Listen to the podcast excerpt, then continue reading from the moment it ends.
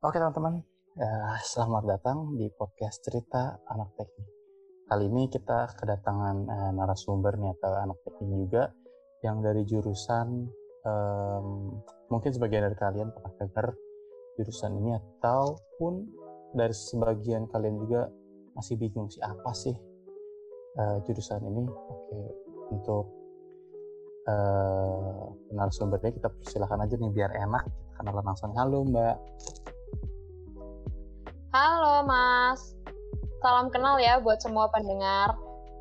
Namaku Fardiah, aku dari jurusan Perencanaan Wilayah Kota atau juga biasa dikenal sebagai Planologi di kampus Institut Teknologi Nasional Malang. Oke, nah ini yang menarik, planologi. Oke, kita jawabin dulu dari PWK. Kita sering dengar apa sih planologi itu? Boleh dijelasin nggak Mbak? Planologi itu apa? Apakah uh, ini mempelajari tentang plano plano mungkin planet atau plan plan tanaman. Kira-kira uh, itu bukan ya mbak? Coba bisa dijelaskan ke teman-teman apa sih jurusan planologi itu? Oh iya, aku jelasin dikit ya. Jadi memang banyak pertanyaan nih, bahkan banyak yang salah kaprah terkait pemahaman mengenai planologi itu apa. Ada yang bilang apakah di planologi itu belajar planet-planet ya? Terus apakah kemudian setelah lulus bisa bekerja di NASA ya? Atau planologi ini belajar soal tanaman? Nah, planologi atau juga biasa dikenal sebagai jurusan perencanaan wilayah kota merupakan satu jurusan yang dia itu mempelajari multidisiplin ilmu. Kenapa sih disebut multidisiplin ilmu?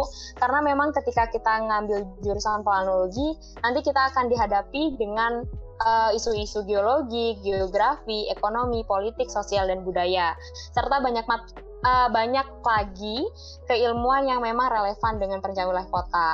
Nah, mengapa sih kita perlu mempelajari multidisiplin ilmu? Karena dalam proses perencanaan wilayah kota, kita perlu banyak pertimbangan, di antaranya disiplin ilmu yang tadi sudah aku sebutin kayak gitu. Ada juga yang bilang kalau jurusan PWK ini tuh perjalanan wisata kuliner karena memang kita tuh selalu jalan-jalan terus bisa punya kesempatan buat makan-makan keliling Indonesia kayak gitu sih.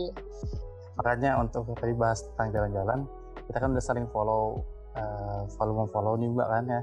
Dan eh, aku sering melihat itu Mbak Fatia ini updatean tentang wah pokoknya jalan-jalan terus. Itu apa sih mas sebenarnya? Itu jalan-jalan doang kah? Apa ada program dari kampus atau gimana nih? Oke sebelum itu oke aku ceritain dikit. Nah sebelum ya. itu ini Mbak Fardia ini sekarang masih kuliah atau udah lulus nih? Oke alhamdulillah aku tuh lulus di tahun ini kebetulan nanti bakal di wisuda juga di bulan ini kayak gitu. Alhamdulillah. Berarti angkatan tahun berapa nih, Mbak? Aku angkatan tahun 2017. Aduh. Sama ya kayak saya ya, cuman masih nyusun nih belum lulus ya doakanlah semoga saya bisa menyusul Mbak Fardia juga. Oke. Okay. Ya semoga lancar ya, ya Mas. Iya. Amin. Oke lanjut yang tadi nih masalah jalan-jalan. Kita kan okay. udah follow terus. Uh, lanjut ke cerita terkait juga. sama proses. Mm. Mm-hmm. Silakan dilanjut. Oke, okay. cerita soal proses kuliah.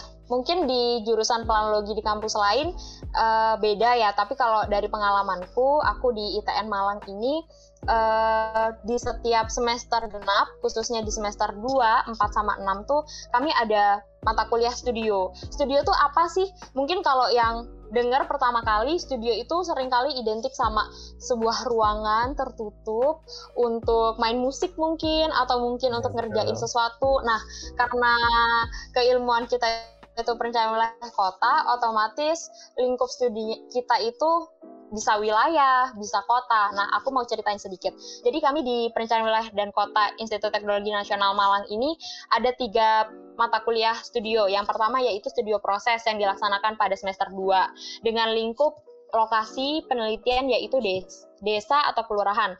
Sementara yang kedua yaitu uh, studio kota, studio kota itu nanti lingkupnya kecamatan. Jadi yang kita rencanakan tuh kecamatan. Produk yang kita hasilkan bisa berupa RTBL atau Rencana Tata Bangun dan Lingkungan. Uh, terus yang kedua yaitu RDTR, Rencana Detail Tata Ruang. Yang ketiga, kami punya per, apa studio yaitu studio wilayah dengan lingkup studi kabupaten. Kebetulan kemarin aku jalan-jalannya di Kabupaten Gunung Kidul. Nah, itu adalah bagian menarik dari kuliah di jurusan perencanaan wilayah kota karena kita pasti punya kesempatan untuk bisa jalan-jalan, terus ketemu dan mempelajari uh, wilayah yang baru, lingkungan sosial yang baru, terus lingkungan fisik itu kita juga harus kenali dan sebagainya kayak gitu, Mas. Oke nih, untuk selama perjalanan kemarin nih jalan-jalan selama Mbak Fardiah kuliah, ada hal-hal menarik nggak Pak? Hal yang sampai sekarang masih jadi uh, teringat terus nih. Kira-kira apa? Pasti kan ketemu dengan orang banyak, ketemu dengan lingkungan baru, pasti ada pengalaman-pengalaman yang Mbak Fardiah uh, berkesan gitu bagi dirinya sendiri. Kira-kira ada nggak nih Mbak cerita yang seru nih selama perjalanan kemarin kuliah itu? Banyak banget banyak banget. Mungkin aku ceritainnya singkat aja ya. Jadi ya. Uh, singkat cerita, aku tuh sebenarnya keluargaku tuh dari Jawa Timur, tapi aku nggak pernah uh, berbahasa Jawa. Jadi ketika pertama kali studio proses, aku dapat di kota Blitar dan aku sama sekali nggak bisa bahasa Jawa. Suatu ketika ketika aku mau survei, terus ketemu sama orang, orangnya tanya, Mbak, film Tan Pundi dalam bahasa Jawa yang artinya adalah tidur di mana. Tapi aku nggak bisa jawab tuh. Jadi kita berdua tuh ya udah bengong-bengongan. Aku sama sekali nggak ngerti maksudnya tuh apa. Jadi itulah yang jadi tantangan ketika kita turun ke satu wilayah yang orangnya itu berbahasa daerah. Pun itu jadi tantangan ketika kita melakukan wawancara. Jadi kadang-kadang kayak nggak nyambung gitu loh. Jadi hmm, itu. Terus yang kedua mungkin aku pernah uh, sampai dibawa ke Polres ketika survei karena dicurigai kita tuh hmm, ada niat kejahatan gitu loh karena memang pada saat itu trennya adalah mm-hmm. apa ya ada pros, ada pemboman gitu deh di Polres-Polres atau di apa ruang publik. Nah, akhirnya ketika kita lakukan foto-foto itu kita sampai dibawa ke Polres untuk bisa dimintain keterangan. Untungnya kita bisa ngebuktiin bahwa yang kita lakukan ini resmi. Oh iya, sebagai informasi juga, ketika kita kuliah di perencanaan wilayah kota, kita nanti mm-hmm. melakukan pencarian data, pengumpulan data itu baik primer maupun sekunder. Kalau primer tuh kita langsung turun lapangan, sementara kalau sekunder itu kita uh, benar-benar nyari datanya itu melalui instansi dan selama proses itu kita dimintai apa ya kita melakukan proses perizinan yang memang uh, sesuai sama prosedur mulai dari uh, kota kita asal terus kita teruskan ke tingkat provinsi asal kita. Misalnya aku di ITN Malang otomatis ke Bakes Bangpol tingkat provinsi Jawa Timur kemudian diteruskan ke Bakes Bangpol provinsi yang dituju. Karena saat itu aku ke apa provinsi Kalimantan Tengah maka aku mengurusnya sampai dengan provinsi Kalimantan Tengah terus baru diteruskan ke kota yang dituju yaitu kota Palangkaraya pada saat itu. Hmm, terus menariknya lagi ketika aku kota adalah wilayah yang wilayah lokasi studiku tuh benar-benar satu satu aksesnya tuh hanya bisa dilewat sama sungai dan kita nggak bisa ngelewatinnya lebih dari eh, jam-jam uh, tertentu karena memang berbahaya banget. Nah, itu yang mungkin experience yang aku nggak pernah dapetin selama aku kuliah di Jawa, baik di Jawa Barat maupun di Jawa Timur, kayak gitu sih. Oke, jadi untuk uh, pengalaman dari planologi ini cukup uh, mantep kayaknya untuk jalan, untuk ketemu dengan orang Benar. banyak. Oke, okay, sebelum itu nah, tadi mm. oh sorry, sebelum tadi itu kan Mbak Fadian nyebutin uh, apa PWK planologi PWK planologi. Sebenarnya sih ini tuh perbedaannya apa mbak? Apa sama atau gimana nih? Untuk teman-teman yang belum tahu boleh dijelaskan? Sebenarnya sedikit. Oke. Okay. oke. Okay. benar. Uh, sebenarnya antara planologi dan perencanaan wilayah kota itu sama ya tapi mungkin di tahun-tahun sekarang ini kita lebih mengenalnya dengan jurusan perencanaan wilayah kota atau program studi perencanaan wilayah kota. Sebagai informasi juga, beberapa kampus sepertinya sudah menerapkan bahwa sarjana dari jurusan perencanaan wilayah kota ini gelarnya bukan lagi ST. Kalau sebelumnya ST sarjana teknik, uh -huh. sekarang udah mulai jadi SPWK sarjana perencanaan wilayah kota kayak gitu. Oke. Oke mbak. Uh, tadi uh, kuliahnya jalan-jalan terus, ketemu orang banyak. Untuk uh, teman-teman yang mungkin bisa uh, yang hobinya traveling, kira-kira bisa nggak nih? Cocok nggak nih mbak untuk uh, yang pingin masuk ini dan sekaligus menyalurkan hobinya traveling kira-kira gimana nih apa traveling itu pure dengan um, apa ya bisa dibilang banyak jalan-jalannya atau gimana kira-kira cocok ya untuk teman-teman mahasiswa yang baru yang ingin kuliah di uh, planologi ini gimana menurut um, Mbak Fardi ya? Oke, jadi buat teman-teman di mungkin yang sekarang lagi nyari-nyari jurusan, terus nyari referensi, minat minat banget nih sama yang namanya teknik, kayaknya bisa hmm. jadi so salah satu apa ya salah satu pertimbangan lah untuk bisa masuk ke planologi karena tekniknya itu nggak benar-benar teknik yang hitungan. Mungkin kayak Mas Andika yang hmm, banyak hitungannya di teknik mesin. Jadi kita tuh belajar uh. teknik juga belajar sosial. Terus erat banget memang sama yang namanya traveling. Terus di sela-sela survei kita bisa benar-benar kenal sama bagaimana isu di kota itu, bagaimana kehidupan sosialnya, pun bagaimana kulinernya mungkin kalau yang suka kulineran. Terus buat yang punya kepikiran nih prospek kerjaannya kira-kira ke mana ya? Kalau misalnya perencanaan wilayah kota. Perencanaan wilayah kota ini sebenarnya banyak banget prospeknya. Mulai dari sebagai akademisi pasti ya kalau mau ngelanjutin sekolah di S, di jenjang yang lebih tinggi S2 mungkin bahkan S3 terus sebagai birokrat juga bisa di pemerintahan Bapeda ATR BPN kemudian sebagai konsultan konsultan swasta juga bisa banget. Okay. Nah, di luar itu gimana kalau aku misalnya minat minat minat pekerjaanku, aku suka belajar planologi tapi minat pekerjaanku aku pengen jadi bisnis woman mungkin. Nah, itu bisa banget. Bisa di bagian bisnis, keuangan, sumber daya manusia, uh, kayak gitu. Kenapa sih? Karena ya itu aku bilang, karena belajar di perencanaan wilayah kota itu benar-benar multidisiplin ilmu. Bahkan ketika kita bicara soal bisnis, bisnis kita sendiri, kita akan perlu perlu banget ilmu planologi. Bagaimana kita mempertimbangkan suatu wilayah, teori lokasi, bagaimana kita menempatkan uh, tempat apa lokasi bisnis kita, bagaimana kita mempertimbangkan uh, soal transportasinya kayak gitu itu semuanya dipelajari di perencanaan wilayah kota. Pokoknya kalau misalnya memang suka jalan-jalan, suka bersosialisasi, dan tertarik sama teknik, jangan lupa buat pilih perencanaan wilayah dan kota.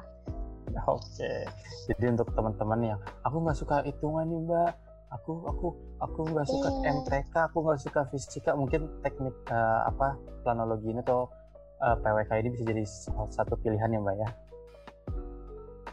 Benar banget.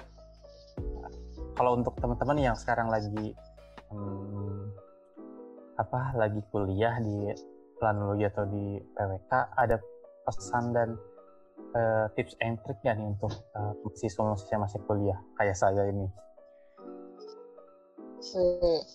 Hmm, apa ya buat teman-teman yang udah kuliah di perencanaan wilayah kota, mungkin pesanku cuma semangat terus, jangan pernah berhenti, terus terus luangkan luangkan waktu buat cari pengalaman. Kayak gitu sih mas. Pokoknya jangan berhenti. Siap. Jadi teman-teman masih tetap semangat kuliahnya. Selesaikan sampai akhir kayak Mbak Fardia ini yang lumayan tergolong cepat ya Mbak ya. Dari teman-teman seangkatannya. Teman-teman seangkatannya belum lulus ya Mbak? Rata-rata ya lagi proses lah alhamdulillah. Ya lebih semoga lebih lancar cepat. semuanya. Nah, jadi untuk teman-teman juga yang sedang berkuliah di uh, planologi ini semoga atau teman-teman yang lain yang sedang berkuliah di teknik semoga dapat menyelesaikan uh, kuliahnya dengan baik. Uh, nggak usah cepat yang penting uh, tepat ya mbak ya.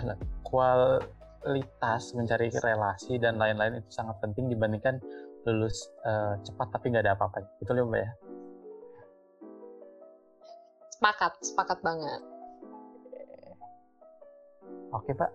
Cukup um, segini untuk pengenalan teknologi kepada teman-teman yang baru mm, mau kuliah atau belum tahu apa sih teknik uh, ini atau planologi ini.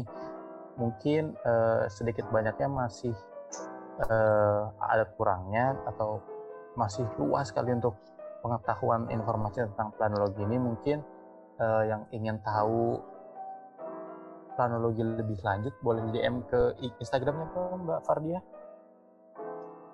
Aku Instagramnya Farski. Mungkin nanti bisa di tag ya Mas biar banyak yang tahu kalau misalnya perlu ada part 2, part 3, part 4 untuk menjawab pertanyaan atau curiousnya teman-teman itu kayaknya perlu pertimbangan juga. Teman-teman yang ingin uh, nanti yang belum uh, puas dengan apa yang kita bicarakan kali ini mungkin bisa di DM ke Mbak uh, Fardiahnya langsung nanti uh, account Instagramnya akan ada di deskripsi podcast uh, kali ini atau yang ingin bertanya bisa untuk ditanyakan ke email kita di anakteknik.podcast@gmail.com nanti kita akan buat part-part selanjutnya dengan Mbak Ila. Oke seperti itu Mbak Ila. Iya, makasih Mas Andika. Makasih semua pendengar. Semoga uh, cerita ini bisa jadi inspirasi dan semangat buat teman-teman yang udah kuliah di planologi maupun yang lagi cari jurusan. Terima kasih Mbak Ila atas uh, waktunya untuk teman-teman. Ya. Terima kasih juga yang setelah mendengarkan cerita anak teknik. Kita akan ketemu lagi di cerita-cerita anak teknik lainnya di hari Sabtu jam 7 malam. Uh, mungkin teman-teman yang ingin bercerita juga bisa uh, email ke kita ataupun dengan kirim uh, voice note-nya langsung ke email kita di uh, anakteknik.podcast@gmail.com. Terima kasih teman-teman untuk telah mendengarkan cerita anak teknik. Cailah. Gue takut nge ya. Oh iya. Mantep kan tapi? Enggak sih, kayak kayaknya lancar aja. Ya tahu juga. Gue gue seneng, gue puas sih sama ini. Berapa berapa menit sih nih? Gak tahu, tahu kita stop.